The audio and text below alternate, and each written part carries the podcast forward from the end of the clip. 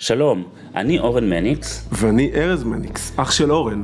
בפודקאסט הזה אנחנו נדבר על 11 טיפוסים אישיותיים מולדים שנקראים התדר של האדם. נפגוש אנשים מעוררי השראה שגילו לאיזה טיפוס הם משתייכים ונדבר על איך ניתן להביא לידי ביטוי את התדר שלנו. שהוא עוצמת העל המולדת של האדם, במערכות היחסים, בביטחון העצמי ובהגשמה המקצועית. האם יש סיכוי לזוגיות שהידרדרה לחזור אל המסלול? היום נארח את מובילת מסלול הכשרת מאמנים זוגיים במרכז התדר, רונית וייס. לרונית ניסיון רב בעבודה עם זוגות, והיא תספר לנו באילו מקרים לדעתה כבר לא כדאי לנסות להציל את הזוגיות, ובאילו מקרים כן. אוקיי, היום בפודקאסט התדר אנחנו עם רונית וייס. היי. שיש לה הרבה כובעים, אבל בין היתר היא היא מנחה בתדר, מסלול זוגיות, מאמני זוגיות, ואנחנו נדבר איתה על נושא מאוד uh, מהותי לכולנו, שזה זוגיות, על האתגרים, על, הקשי, על הקשיים, ונראה איך התדר בא לידי ביטוי. ובכמה מילים תספרי על עצמך, רונית. אוקיי, okay, אני, כמו שאמרת, מנחה בתדר, גם מאמנת. Uh, אני נשואה, 32 שנה, שלושה ילדים. זהו, פחות או יותר. נשואה 32 שנה זה כבר הישג. לגמרי. בימינו סליחה על השאלה, אבל נשואה באושר? כן.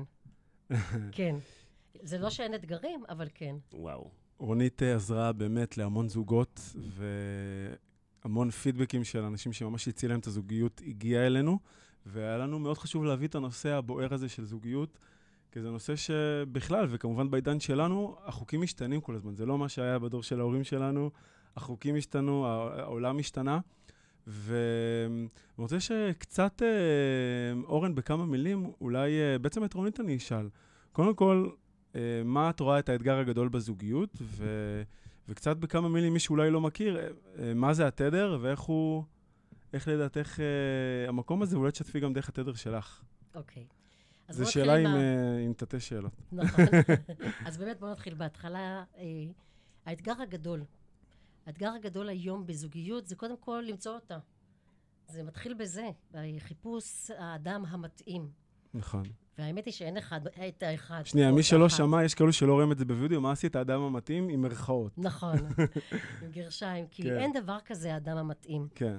בזוגיות, גרשיים. ואגב, יש מחקר כזה, אה, שבדקו זוגות לאורך שנים, איזה זוגות הצליחו לשמור את הזוגיות, לשמר אותה.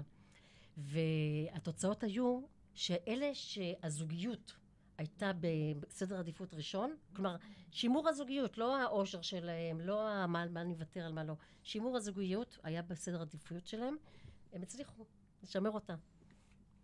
Uh, הכוונה היא לאנשים שמבחינה אולי יותר uh, ערכי המשפחה חשובים להם? מה הכוונה ששימור הזוגיות חשוב להם? גם, ערכי המשפחה. Uh, הצורך והרצון להישאר ביחד. אה, זה לא שהם אה, הופכים להיות איזה שהם אויבים שהם אה, מקריבים את. הם אוהבים אחד את השני. עם הקשיים, מחליטים להישאר ביחד, כי הערך הזוגי, המשפחתי, חשוב להם יותר. Okay.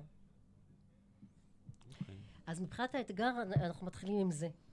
אחרי שצלחנו את המשוכה הזו וכבר יש זוגיות, אז כמובן שאחרי שההתאהבות שוכחת והריגושים של הסידורי חתונה והמסיבה והחבר'ה וכל השואו אוף מסביב, אחרי שזה שוכח והחיים מתחילים, אה, ילדים, חובות קצת, אה, היא מגיעה עם כל הבית שלה על הגב והוא מגיע עם כל הבית שלו עם הרגלים והסינכרון של זה הוא מאוד קשה. הוא קשה משתי סיבות. סיבה אחת זה הרגלים שנצרבו בהם. וסיבה שנייה זה לוותר על ההרגלים האלה ולשנות אותם. אז uh, באמת בתהליך זוגי שעושים, אחד הדברים זה לסנכרן בין שני הבתים האלה, מה לשמר מכל בית ומה לשפר, מה לעשות משהו חדש של הזוג עצמו. אה, מה, אם היית צריך uh, לשאול לגבי התדר, א', מה זה תדר, למי שלא יודע, ואיך uh, התדר של הבן אדם קשור לנושא הזוגיות? מדהים. שאלה כל כך uh, חשובה בנושא הזה של זוגיות, כי בוא נתחיל במה זה התדר. התדר, כמו שאנחנו יודעים, uh, זו שיטת אימון שאחד הכלים בה, הוא, אחד הכלים הראשיים בה זה האבחון. שוש מניקס, היקרה שלנו, פיתחה שיטת אבחון שמגלה את המהות הפנימית המולדת של כל אדם. כלומר, עם איזה מתנות כל אחד מאיתנו הגיע לעולם הזה. מה היכולות, ואיך היכולות האלה, כשאנחנו לא במיטבנו, הופכים להיות הקשיים שלנו, האתגרים.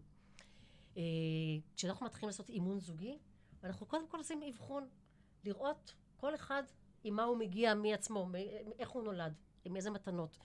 איך המתנות האלה הופכים להיות הקשיים של הזוגיות. Mm-hmm. ואני אתן דוגמה, דווקא עליי, על בעלי, שיחיה. אני חושבת שעשרים שנה בזוגיות רבנו על uh, לוח זמנים. אני מאוד דייקנית, זה משהו שאני באמת גודלתי על דייקנות יקית לגמרי. באמת הגעת פה עשר דקות לפני, כל הכבוד. לגמרי. לכל מקום אני מגיעה קצת לפני, וגם אם אני קצת מקדימה, אני מחכה, בול בשנייה אני נכנסת. כן. פגישות אצלי בב... של טיפוליות, הן בזמן, הכל בזמן. נהדר. זה טוב ולא, אני... כן. כש... כשעשיתי את האימון על עצמי, עבדתי על זה, על... אז מה, מה היה בזוגיות במקום הזה? אוקיי, אתה צודק. בזוגיות, אה, אחרי שהבנתי שבעלי, אחד התדרים שלו הוא תדר חמש, שזה מהות הנתינה, והוא באמת אדם עם נתינה יוצאת דופן. אבל איזה, איפה זה הפריע הלוזים? אני פשוט, תתני לי דוגמה. רגע, 아, אני אוקיי. רק אתן לך את ה... אה, אוקיי, חשבתי שאת הולכת לפתרון, אוקיי, לא, לא. בסדר. אה, ותדר שש. כן. שהיו קצת אה, ריחופניק תדר שש מדי פעם. כן. בכל אופן, ה, אה, לכל חתונה, אפילו לחתונה של אחותי כמעט איחרנו. לכל אירוע. סטדר 6 זה עוצמת הפנימיות, מי שלא מכיר. Mm. נכון. זה אנשים שהעולם, המהות שלהם זה עומק ופנימיות, והם הרבה פעמים נשאבים לתוך הפנימיות שלהם, וקצת מאבדים את החוץ. את הלוז, לגמרי, נכון. לפעמים הוא היה אומר לי, חמש דקות תזוזה. החמש דקות יכולה להיות גם שעה. וזה, לאדם שהוא דייקן, זה היה מאוד קשה. זה גם מאפיין אנשים רגשיים, אגב, הוא רגשי. נכון, הוא רגשי, כן. כן. אנשים שהם יותר רגשיים, הזמן אצלם יותר נזיל. נכון, נכון מאוד. ואני יותר... אה, יותר שכלית. אני די מאוזנת, אבל אז, בתקופה ההיא, עוד לפני שהבנתי את כל העניין, הייתי הרבה יותר אה, שכלית. אני תדר תשע, שהוא ראש ולב. תדר תשע נקרא לחישת הלב. לחישת הלב, נכון. והמהות שלו זה שהם שכליים ורגשיים באותה מידה. נכון. בניגוד לרוב האנשים, שבדרך כלל צד אחד אצלם יותר חזק. נכון, וכשהם לא במיטבם, הם עובדים או עם, רק עם ראש, או רק עם רגש. אז אחרי שהרבה שנים עבדתי רק עם רגש, כשהייתי לא במיטבי, והייתי בהצפות רגשיות רבות, אני זוכרת את הרגע שאמרתי, עד כאן אני עוברת לראש. לא ידעתי. שיש לי שתי המערכות האלה, אבל אני זוכרת את הרגע. וכשעברתי לראש, אה, עבדתי רק עם ראש. את יכולה לספר לי על הרגע הזה? לא. זה אישי. כן, okay. זה אוקיי. רגע אישי. אה, בכל אופן, אולי אחר כך בארבע עיניים. הכל טוב. אה, בכל אופן, אה, אחרי שהבנתי שהמהות הפנימית המולדת שלו היא שהוא קצת נסחף עם הזמן, לא, הוא לא עושה לי דווקא, הוא לא עושה לי דווקא. להפך, הוא מתאמץ התאמצות יתרה, ולמרות שהוא מתאמץ הוא לא מצליח. ולכן אני הנחתי שהוא אפילו יותר מאוכזב מאשר אני. מעצמו, באמת, מאוכזב מעצמו? כן, שלא מצליח לעמוד בסטנדרטים שלי, נקרא לזה. אחרי שעשיתי את העבודה שלי, ממש זה האימון שהלכתי לעשות, לשחרר את הלחץ סביב לוח זמנים. קורה בזמן, אהלן וסהלן, איזה כיף. לא קורה בזמן, כנראה שזה מה שצריך להיות. אני חייב להגיד על זה משהו, כי הנקודה הזאת שאת מתארת, היא מפרקת המון המון קשרים. נכון. כל אחד מגיע עם איזשהו משהו שהוא רגיל והוא מצפה. עכשיו, רוב הנשים או הגברים ש... הבן זוג שלהם לא יעמוד בזמנים, וזה הסטנדרט הפנימי שלהם שאיתו הם הגיעו מהבית, הם הרגישו שלא אכפת לו ממני, שהוא לא מתחשב בי, דווקא. שהוא עושה לי דווקא, שאם באמת הייתי חשובה לו, הוא היה שם משתדל, נכון. ואז הייתה מגיעה התוצאה הרצויה. נכון. ואז כל פעם שהוא מאחר זה כאילו עוד קרע שקורה בתוכה, על זה שלא אוהבים אותה ושלא אכפת ממנה, למרות שמה הקשר? נכון. את רגילה לדייק, הוא לא רגיל לדייק, ואין שום קשר בין שני הדברים, את עדיין אהובה. לגמרי, נכון מאוד. ובאמת, אחד הדברים, שבעצם כל, כל טיפול זוגי עוסק בפערים ובצמצום שלהם. כי אנחנו תמיד נהיה שני אנשים שונים. נכון. בעצם אה, היוולדנו אנחנו שונים. אחד נקבה, אחד זכר. אולי, לא משנה. שתי, שתי, שני אנשים שונים לחלוטין, כן. תמיד יהיו ביניהם פערים. והפערים האלה דורשים גישור. וזה בעצם מה שעושים בתהליך של אימון זוגי. בודקים על מה הפער יושב, אה, מה, מה יושב מתחתיו, האם זה משהו שמופיע כתוצאה מאיזושהי חוויה כואבת, מאיזושהי אה, חוויה טראומטית, או קטנה, גדולה, או, או, או לא, או משהו של חינוך, לעומת אה, מה שקורה בפועל, מה שרוצים לעשות בפועל. ואז צריכים לגשר את הפער הזה בין שניהם. הוא מגיע עם, הר... עם הרצונות שלו, היא מגיעה עם הרצונות ועם שלה. ועם המבנה, עם הרצונות, עם המבנה. נכון. גם אם הוא החליף רצונות, הוא לא יכול להיות מישהו שהוא לא, וגם נכון. היא לא יכולה להיות מישהי נכון. שהיא לא. נכון, וגם לכל אחד מהם יש צרכים שונים. נכון, בדיוק. ועל זה צריכים לגשר. וזה מדהים, כי הפערים האלה, זה יכול להישמע כאילו זה, זה מין הבחנה קרה כזאת, אבל הפערים האלה כואבים, הפערים האלה לוחצים, הפערים האלה יכולים להוציא את הבן אדם משלוותו, וכשזה באופן קבוע עם מישהו שאנחנו כל הזמן גרים איתו, זה יכול לשגע אם אנחנו לא יודעים מה עושים עם הפערים האלה. לגמרי. זה, זו הסיבה שרוב האנשים עוזבים. הם לא יכולים יותר. הם לא יכולים יותר. נכון. פעם אה, מישהי, דווקא גרושה, אה, שדיברתי איתה, כזה בשיחת סלון, אמרה לי, היום אנשים אה, מתגרשים מהר מדי.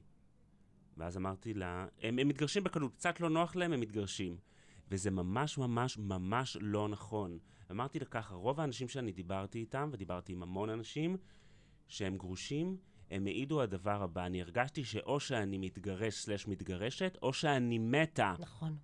זה החוויה. אני צריכה לבחור בחיים שלי. אני לא יכולה ללכת ולמות ולהיות בקשר הזה. למה? כי הסבל הוא אמיתי. כתוב, איש ואישה זכו, שכינה ביניהם. לא זכו אש או חלתם. נכון לגמרי. והיום, כשאנחנו נמצאים במצב שבו אה, האני נמצא במרכז, ולא בקטע רע, זה פשוט שיפט תרבותי שקרה, והמסגרת החברתית שבעצם כופה על הבן אדם להיות בנישואים, להמשיך בנישואים, אה, היא כבר לא קיימת, החברה כבר לא כופה את זה. הקושי הנפשי להיות במקומות הוא הרבה יותר גדול מפעם. נכון. פעם אנשים גם היו פחות מחוברים לרגשות וגם לא ציפו. היום הציפיות הן מאוד מאוד גדולות ולכן גם הסבל. אז באמת אחד הדברים שאנחנו עובדים עליהם זה עניין של ציפיות מכשילות. נכון. גם בני זוג, אחרי שהם התחתנו והכריזו אהבה וסיפרו אחד לשני את כל מה שהיה להם עד לאותו רגע, לאט לאט זה נראה להם ברור מאליו שכבר בן זוג יודע עליי הכל, וגם את כל מה שיהיה, כי הוא כבר מכיר אותי. וגם אני, ווייס ורסיה, וזה בצורה חופפת. ופתאום הם מגיעים למצב שהם לא מדברים על הרצון שלהם, הם מניחים שהבן זוג יודע, בלי לדבר על זה. הוא קורא מחשבות, כי הוא מכיר אותי. וכבר זה יוצר ציפייה, ציפייה מכשילה, שגוררת אכזבה עמוקה, כי איך הוא לא ידע? איך הוא לא ידע? איך היא לא ידעה, אוקיי? אני תמיד מדברת, כי אני מדברת על הצד שלי, אבל זה תמיד יהיה משני הצדדים. אני רוצה להגיד לך משהו שאני שמתי לב הרבה פעמים בזוגיות, כי יש את השלב שכאילו על פניו הזוג מתפקד, מטפלים בילדים, אבל בתוך תוכם, אה, בהתחלה, שלב ראשון, מעלים, עולים קשיים, עולים תהיות, עולה קושי. ומה ששמתי לב, שאם לא מטפלים בקושי הזה, באיזשהו שלב, יש סכנה וזה קורה, הלב פתאום נסגר. נכון. והרבה זוגות, אם הם לא אה, שמים לב לסימנים שעוד הם קטנים, אחרי זה שהלב נסגר, ויש מטענים על מטענים, ו- וזה מציף דברים, וכבר... אה, זה אפילו יכול להגיע לשנאה, אבל, נכון. אבל בואו לא נלך לשנאה. הלב נסגר, ואז אה, הרבה פעמים הרבה יותר קשה לעבוד על זה. כלומר, אפשר, תמיד אפשר, ומה שאני רוצה פה לתת באמת טיפ לאנשים, אה, כי הרבה פעמים אנשים הם נשואים והכל מתפקדים, אבל בתוך תוכם הם כבר גרושים. כלומר, מהותית הם גרושים. זה שהם פורמלית נשואים זה לא רלוונטי. שהלב סגור ברמה מסוימת, אה, מהותית הם כבר לא ביחד. כלומר, רק אה, לצורך אה, תפקודי, אבל זה לא, זה לא מה שמחפשים. אז אני חושב שאולי זו השאלה שלך, איזה סימנים את יכולה להעיד שאנשים צריכים לדעת, אוקיי, לא לחכות ללב הנסגר, לא לחכות למקומות שכבר יותר קשה לתקן. תמיד אפשר לשפר ולשחזר, וזה בסדר, אבל איפה השלבים, הסימנים שאת רואה זוגות ש- שהם צריכים להגיע, שזה כבר לא מקום חירום, שכבר קצת יותר מאתגר? לצערי, אנשים, עד שהם לא חווים קושי גדול, עד שהם לא עם הגב לקיר, הם לא עושים שום דבר. כי הם אומרים, יהיה בסדר, יהיה בסדר, אנחנו נתגבר. כן. עד כן. שאתה לא מגיע באמת ל- לאיזה תהום, אתה לא עושה את העבודה. אבל הבשורות הטובות הן שכל עוד הנר דולק, אפשר לתקן. ובאמת, אני ראיתי דברים קיצוניים. הנה ש- דוגמה. אה, אנשים כבר הגיעו אליי עם הסכם גירושין, למשל. אה, אני מקבלת, אני עובדת גם הרבה עם חרדים.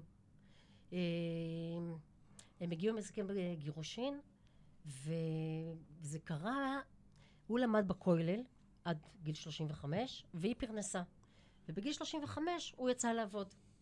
והיא אמרה, זהו, מרגע זה עליו, ואני יוצאת עכשיו לפנסיה. עכשיו, לא היה לו מושג, לא בבנקים, כי הוא לא התעסק על זה. לא בשכר דירה, הוא לא יודע מה צריך לעשות, והיא לא הסכימה גם להנחות אותו. שיסתדר, כמו שאני הסתדרתי. אוקיי, אה, הזוג הזה, אה, אם יש אחד, אני פשוט מספרת על הזוג הספציפי הזה, כי אחרי כבר חצי שנה של אה, טיפול זוגי, הם כבר היו במקום אחר לגמרי, עד כדי כך שזה היה ערב פסח, הבת הגדולה שלהם התקשרה אליי.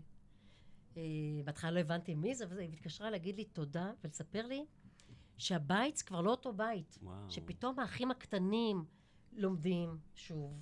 כי היה משבר שפשוט השבית את הבית. וואו. והיא אומרת, תקשיבי, אני לא יודעת מה עשיתי עם ההורים שלי, אבל זה, הם מדברים אחרת, הם, הם נראים אחרת, מדהים. הם מתנהלים אחרת בבית. אז תודה. אגב, מתחיל אה, עכשיו קורס שאת מנחה, אה, יחד עם אה, אורן ו...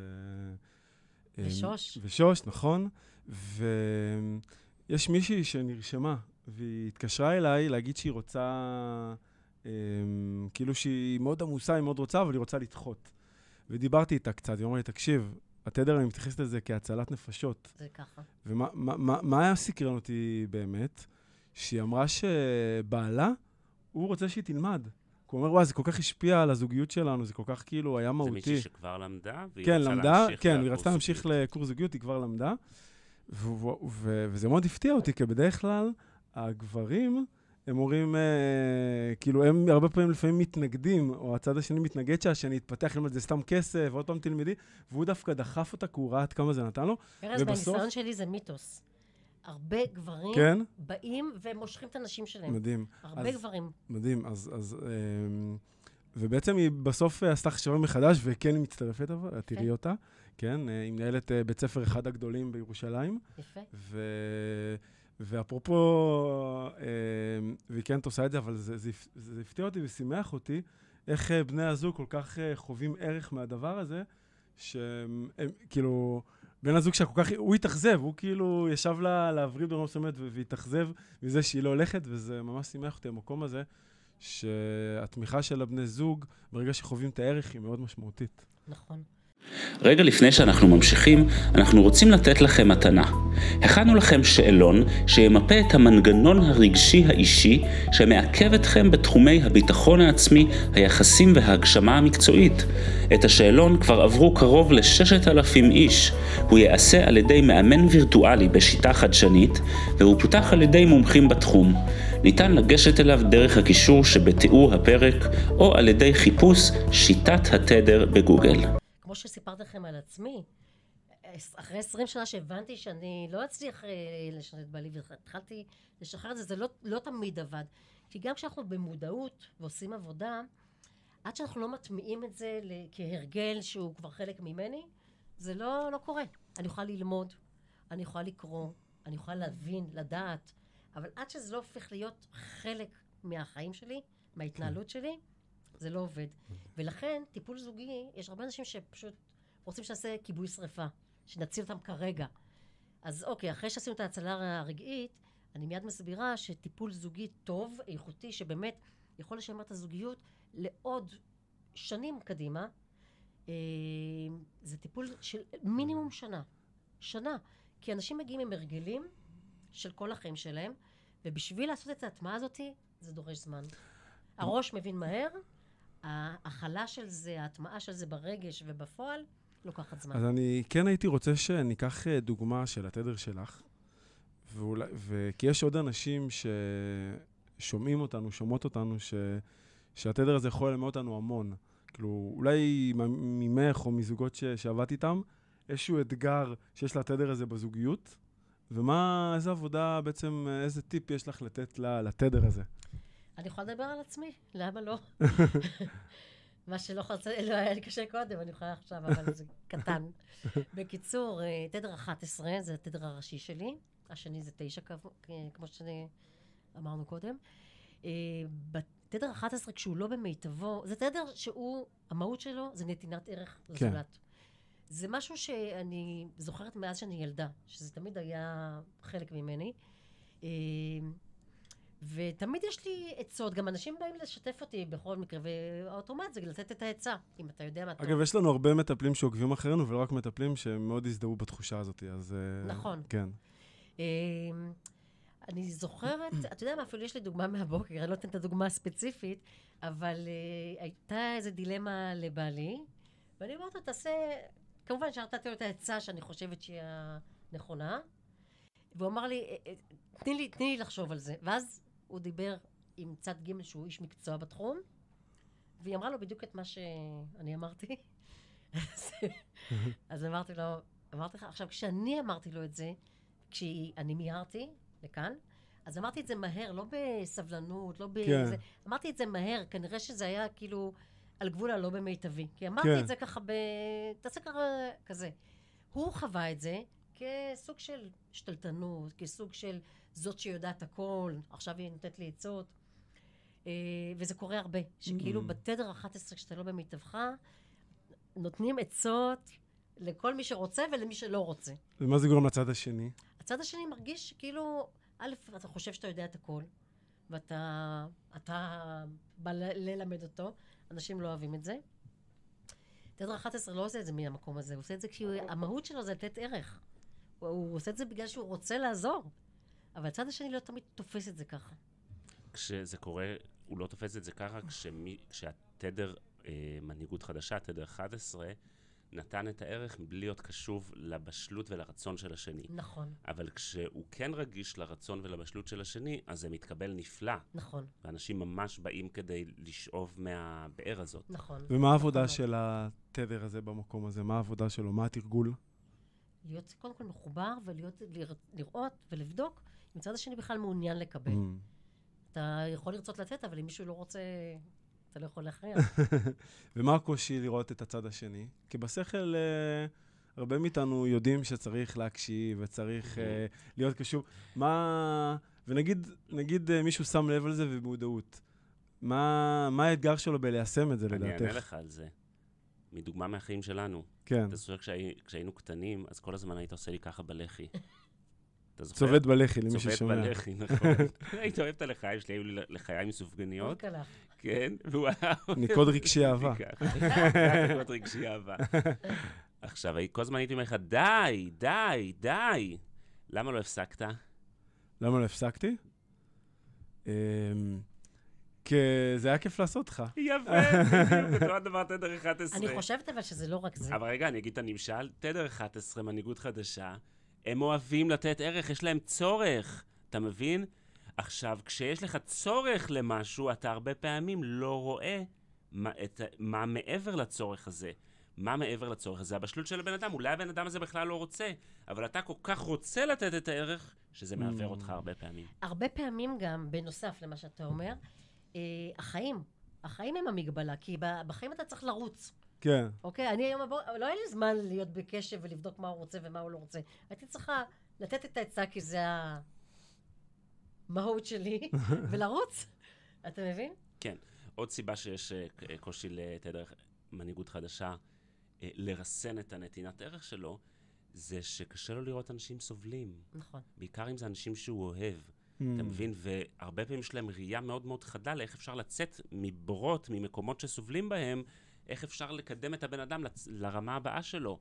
אז למשל, קח אימא שהיא אה, מנהיגות חדשה, ויש לה ילד או ילדה בגיל ההתבגרות, גיל ההתבגרות אגב זה עד גיל 35 היום, לפחות, והיא רואה את הילד שלה סובל, והיא רוצה לעזור לו, והוא אומר לה, אימא, תעזבי אותי. וזה נורא נורא קשה, נורא קשה בתור מישהו שהוא מנהיגות חדשה, לראות מישהו שקרוב אליך סובל, ולא לעזור לו, כי הוא לא מוכן, והוא לא בשל, והוא לא רוצה. והדבר הנכון באמת לעשות, זה לא לעזור לו שם. נכון. אני רוצה להגיד על זה משהו, כי כשאנחנו עושים את האבחון לשני בני הזוג, והם לומדים להכיר אחד את הש- את השני דרך התדרים, אז למשל זה דוגמה טובה, שכשבעלי קרא את התדרים עליי, הוא הבין שאני לא עושה לו את זה בכוונה. הוא מבין את המקום הזה, ולכן הוא לא כועס על זה כבר. הוא פשוט יכול להכיל את זה. זה יפה. נכון. באמת, זה באמת מדהים. זה, זה קטע ש...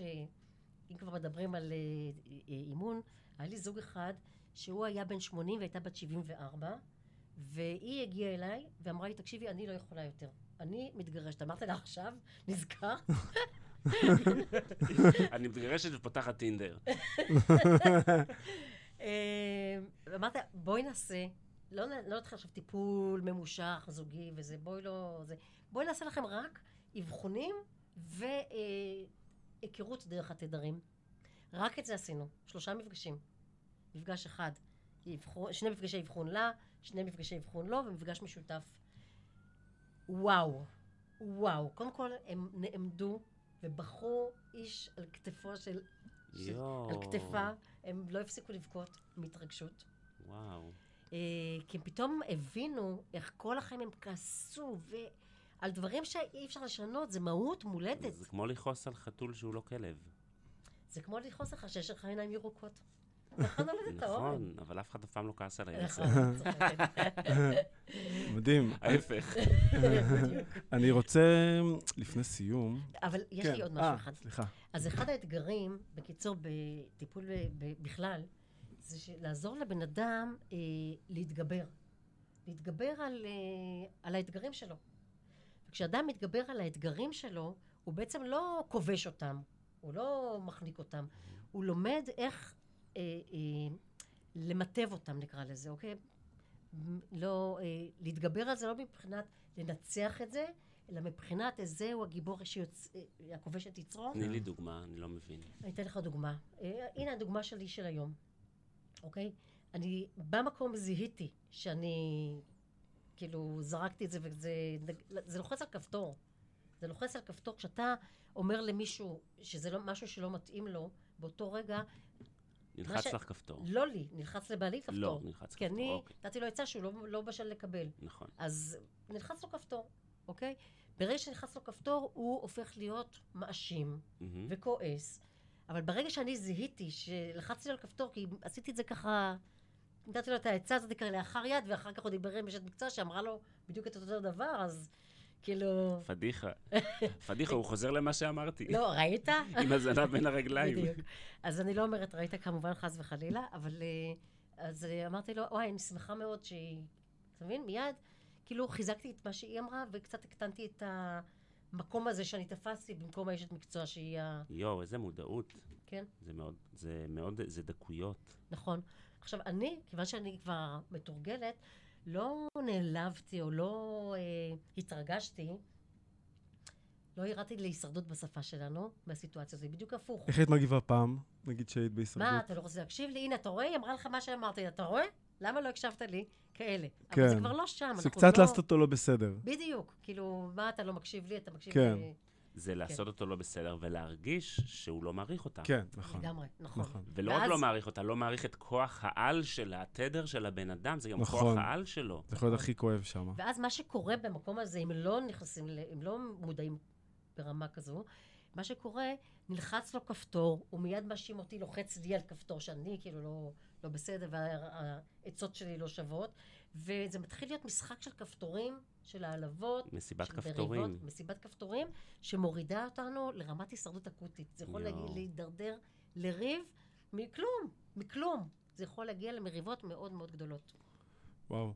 אני רוצה אמ, רגע לפני סיום, שיש פה, יכול להיות שיש איזה זוג, אישה או גבר, ששואלים את עצמם אמ, איך אה, לדעת אם הזוגיות שלי במצב אה, לא טוב, על מה לעבוד, על מה להתחיל.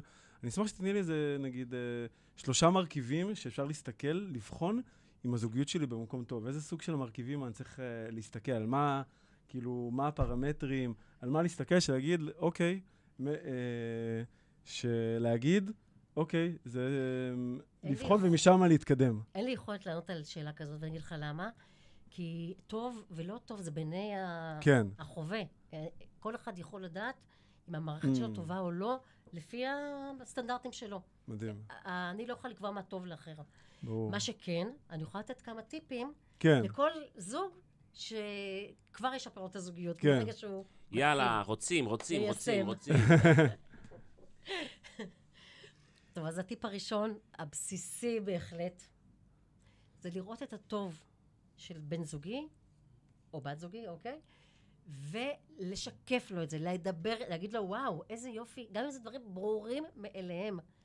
אה, הוא זרק את הזבל, הוא הדיח כלים, הוא התלבש יפה, הוא שם בושם. לעצמו הוא שם את הבושם, לא בשבילי, כן. אבל אני, רוא, אני מריחה, אני רואה שהוא... ואני אומרת לו, וואו, איזה ריח טוב יש לך. כל מיני דברים קטנים, כן. אני במשך היום רוצה כל הזמן לשדר לו שאני רואה כמה שהוא נראה טוב, אה, עושה טוב, לפתח את שריר הפרגון. בדיוק, ממש ככה. כבר זה, זה כאילו נשמע פשוט, אבל זה... זה מה זה משדרג. נכון, אם מכניסים את זה נכון. בתדירות נכונה, זה... אנשים מאוד מאוד צריכים את זה. זה נשמע כזה, יואו, טוב, להגיד את הטוב לבן אדם, טוב קלישאה, יאללה, ביי, תני לי משהו שעוד לא שמעתי. אבל בואו באמת תשאלו את עצמכם, כמה פעמים אתמול פרגנתם לבן הזוג שלכם? אני רוצה שבאמת תשאלו את עצמכם. האפקט של זה, זה שהפרגון הופך להיות הדדי. פתאום בן הזוג רואה שזה עושה לו טוב, ופתאום מהטוב שהוא מרגיש בו ושרוי בו, הוא מתחיל לפרגן גם. ואז זה הופך להיות משהו שהוא גדול יותר מסך חלקיו. אני חייב להגיד על זה שהרבה פעמים אנשים שמנסים את הטיפ הזה, הם מתחילים לפרגן והם רואים שהפרגון לא מגיע בחזרה. ואז יש מפח נפש גדול. אז זה נכון שהרבה פעמים זה מה שקורה, אבל כשאנחנו עושים את זה, אנחנו לא עושים את זה במטרה שהשני יחזיר לנו, אנחנו עושים את זה כדי להכניס חמצן לתוך הקשר. נכון? וצריך לזכור שיש אנשים שממש קשה להם לפרגן, וזה לא נגדנו. זה נכון. קשור למבנה שלהם. וגם יש אנשים שצריך לזכור שקשה להם לקבל פרגונים, אז גם אם זה לא אוי, נכון. תודה, או... זה יכול להיות תשובה יותר אה, קרה, או... זה, או כאילו אפילו תשובה שכאילו, לא, אין על מה להודות. אז לא, כאילו לא. לשכנע. כלומר, עצם, אני חושב שאחד מהדברים זה מן הסתם לתקשר את זה, אבל לא פחות חשוב, קודם כל, עצם זה שאתה בהוויה ורואה את זה, אתה כבר בטוב, אתה כבר תפעל פחות בהישרדות, נכון. זה כבר מספיק. אחרי נכון. זה יקרו עוד דברים טובים. אני אה, מניחה ש... אה, בהמשך למה שאמרת, אם הבן זוג לא מקבל את זה בחזרה, מתישהו, כן? זה, צריך, זה לא מיידי. זה לוקח איזה תהליך, חשוב. כן? אה, הוא יכול לדבר על זה, אבל לדבר על זה ממקום טוב. וזה באמת הטיפ השני שאני רוצה לתת, שלא להיות בהוויה שהבן זוג שלי יודע מה אני רוצה. או, או להפך, זאת אומרת, אני מדברת בן זוג, אבל זה כן. גם בן זוג. לדבר מה אני רוצה. כי מה שאני רוצה, גם אם אני אקבל לא על מה שאני רוצה, לפחות הבעתי את עמדתי, את רצוני, ואני מבינה שבחיים יש או כן או לא, זה, אני מראש מבינה את זה. מראש נכון. לוקחת את זה בחשבון. נכון. אבל הקטע הזה של לדבר, לדבר, כי הרבה חשוב. פעמים בראש, הבוריס שלנו. גם עד מחשבות- ההישרדות שמקרין לנו את הסרטים. נכון, המחשבות האוטומטיות שלנו זה, אה, הוא לא יסכים, אה, לא, היא לא תרצה, לא, לא, לא, זה לא מתאים. הוא בכלל לא יס- יסכים לרקוד עכשיו. או הפוך, הוא יודע שאני רוצה את זה. זה ברור, כל אישה רוצה את זה. לא, לא ברור. נכון. הזכרת לי פה איזה קטע עם זוג, ש... תכף ניתן את הדוגמה. אה, בכל אופן, אה, ברגע שמתקשרים את זה, מדברים על זה, ומוכנים גם לקבל את הלא. העיקר.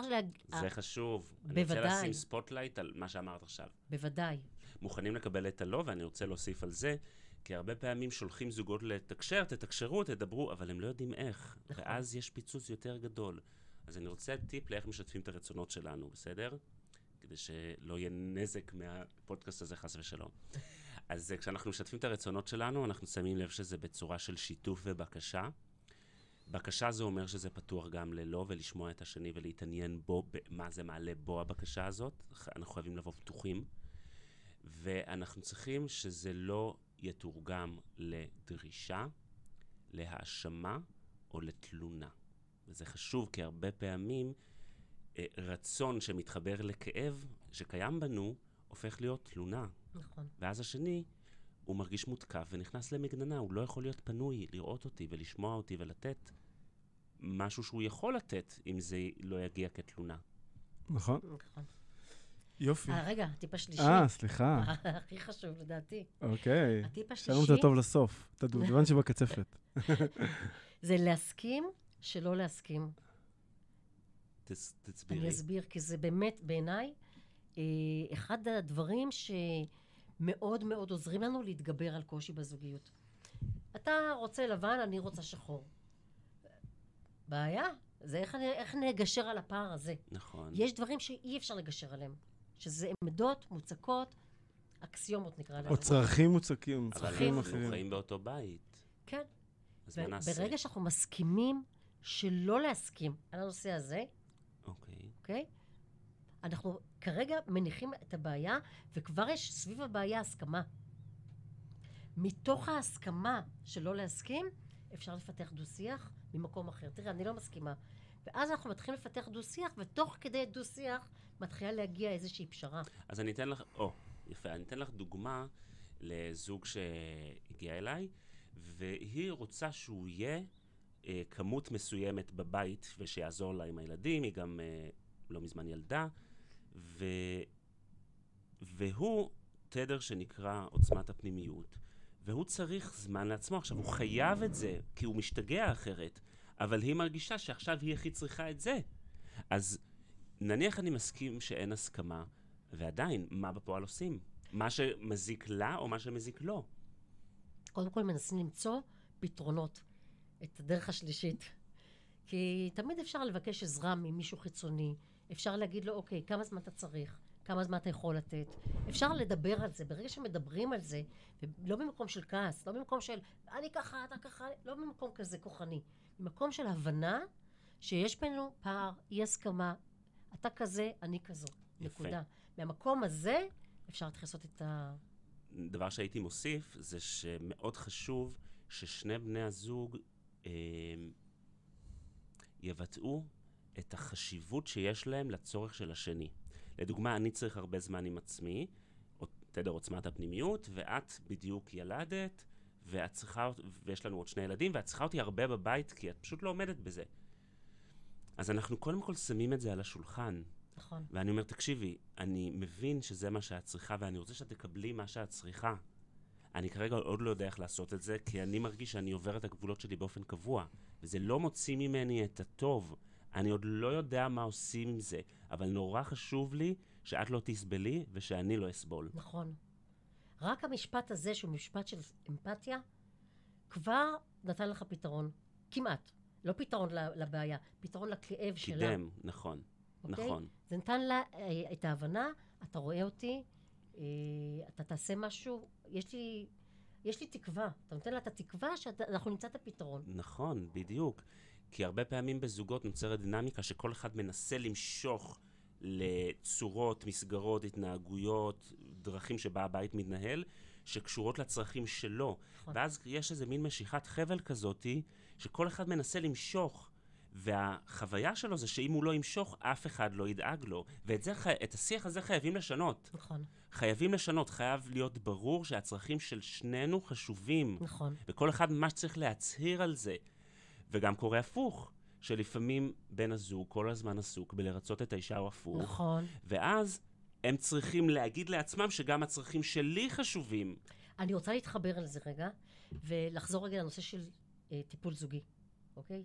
כשאנחנו עושים אימון לזוג, בדיוק על הדברים האלה אנחנו עובדים. כלומר, אנחנו קודם כל רואים את הגבוה שלה, את הגבוה שלו ואת הגבוה של הזוגיות. כל הזמן. מה זה אומר הגבוה? אז אני אסביר. אנחנו רוצים שהיא תהיה היא במיטבה, שתגשים את עצמה, שלא תוותר על עצמה, שלא תכפה את עצמה, שתהיה היא במיטבה. איתו ובלעדיו, היא. נכון. במלוא תפארתה. אותו דבר אנחנו רוצים אותו, במלוא תפארתו. שעושה מה שהוא רוצה, אה, מאושר, שמח בחלקו, מגשים את עצמו. וכשכל אחד טוב לו איפה שהוא נמצא, משם הזוגיות הטובה יכולה ללבלב לנצח. לנצח. כשאנחנו רואים את, הגבוה של הזוגיות, את הטוב של, של הזוגיות, אנחנו רואים שבטוב הזה של, של שניהם, זה לא רק של שניהם, זה שלהם, זה של הילדים שלהם, זה של ההורים שלהם, של האחים שלהם, של השכנים שלהם. האדוות של זוגיות טובה משפיעות על כל הסביבה שהזוג הזה מגיע אליו, אליה. זה פשוט מדהים לראות את זה. זה מתפשט, זה מדבק, זה, זה נותן השראה, זה פשוט... אני אומר לך משהו, לכם, זה המנוע שלי. זה מה שמפעיל אותי, אני בת להורים גרושים. היום בדיעבד אני יודעת איפה אפשר היה לתקן שם. אבל אה, לא, אז לא היה את זה, ו... איזה יופי. כן, וזה ממש המנוע שלי, שאני יודעת שלפעמים זה, זה דברים קטנים שכל כך התנפחו, כמו שאתה אומר. כן. אה, מין כדור שלג גדול כזה, וצריכים להתחיל להעמיס אותו לאט לאט, ולחזור למה שהיה פעם. כאילו, לזוגיות, לתחילתה. לרצון שלהם להיות ביחד, להבין, להקשיב. אוקיי, אז זה מדהים. תודה, רונית. אני רוצה שנגיע לשלב האחרון, שזה שלב הסיכום, שכל אחד אה, ואחת תגיד עם, מה, עם איזה תובנה היא יצאה מהפודקאסט הזה, וגם כהרגלנו המאזינות והמאזינים, למרות שהם לא פה איתנו, שיחשבו בעצמם אה, מה, איזה תובנה הם לוקחות מכל מה שהם אה, שמעו. אז אה, אורן? אמ, אני יוצא עם התובנה של אה, כמה, זה אפשרי להגיע מפלונטר כאוב, מדמם, מעליב, אה, עם הרבה טינה ועלבון שהצטברו, אה, למקום שבו אנחנו מתחילים לפתוח, לאוורר את הדבר הזה, לתת לכל אחד מבני הזוג את המענה הרגשי ואת הצרכים שהוא צריך, ולגרום לדבר הזה להיות שוב uh, בסנכרון, להיות שוב באהבה, וכמה הדבר הזה הוא באמת אפשרי uh, עם העזרה הנכונה. אוקיי. Okay. אני לוקח את המקום הזה שגם במקרים מאוד מאוד קשים, שהלב נסגר וזה נראה שכבר uh, אפילו יכול להגיע לרגשות של שנאה, שאפשר לתקן, אפשר לעשות דברים אחרים, ו... ועם תקווה שאנשים עם הזמן יהיה נורמה לא לחכות לקו האדום, לטפל בזה עוד שזה קטן, ושנהיה במקום uh, פחות הישרדותי, ובזוגיות uh, ניקח עזרה, uh, נלמד. Uh, לא רק שזה מגיע למקרי קיצון ויש סכנה לגירושים ו- ו- ונזקים לילדים, או נזקים כלכליים, או נזקים לה- לאהבה, אז uh, זה התקווה והאיחול שאני מאחל.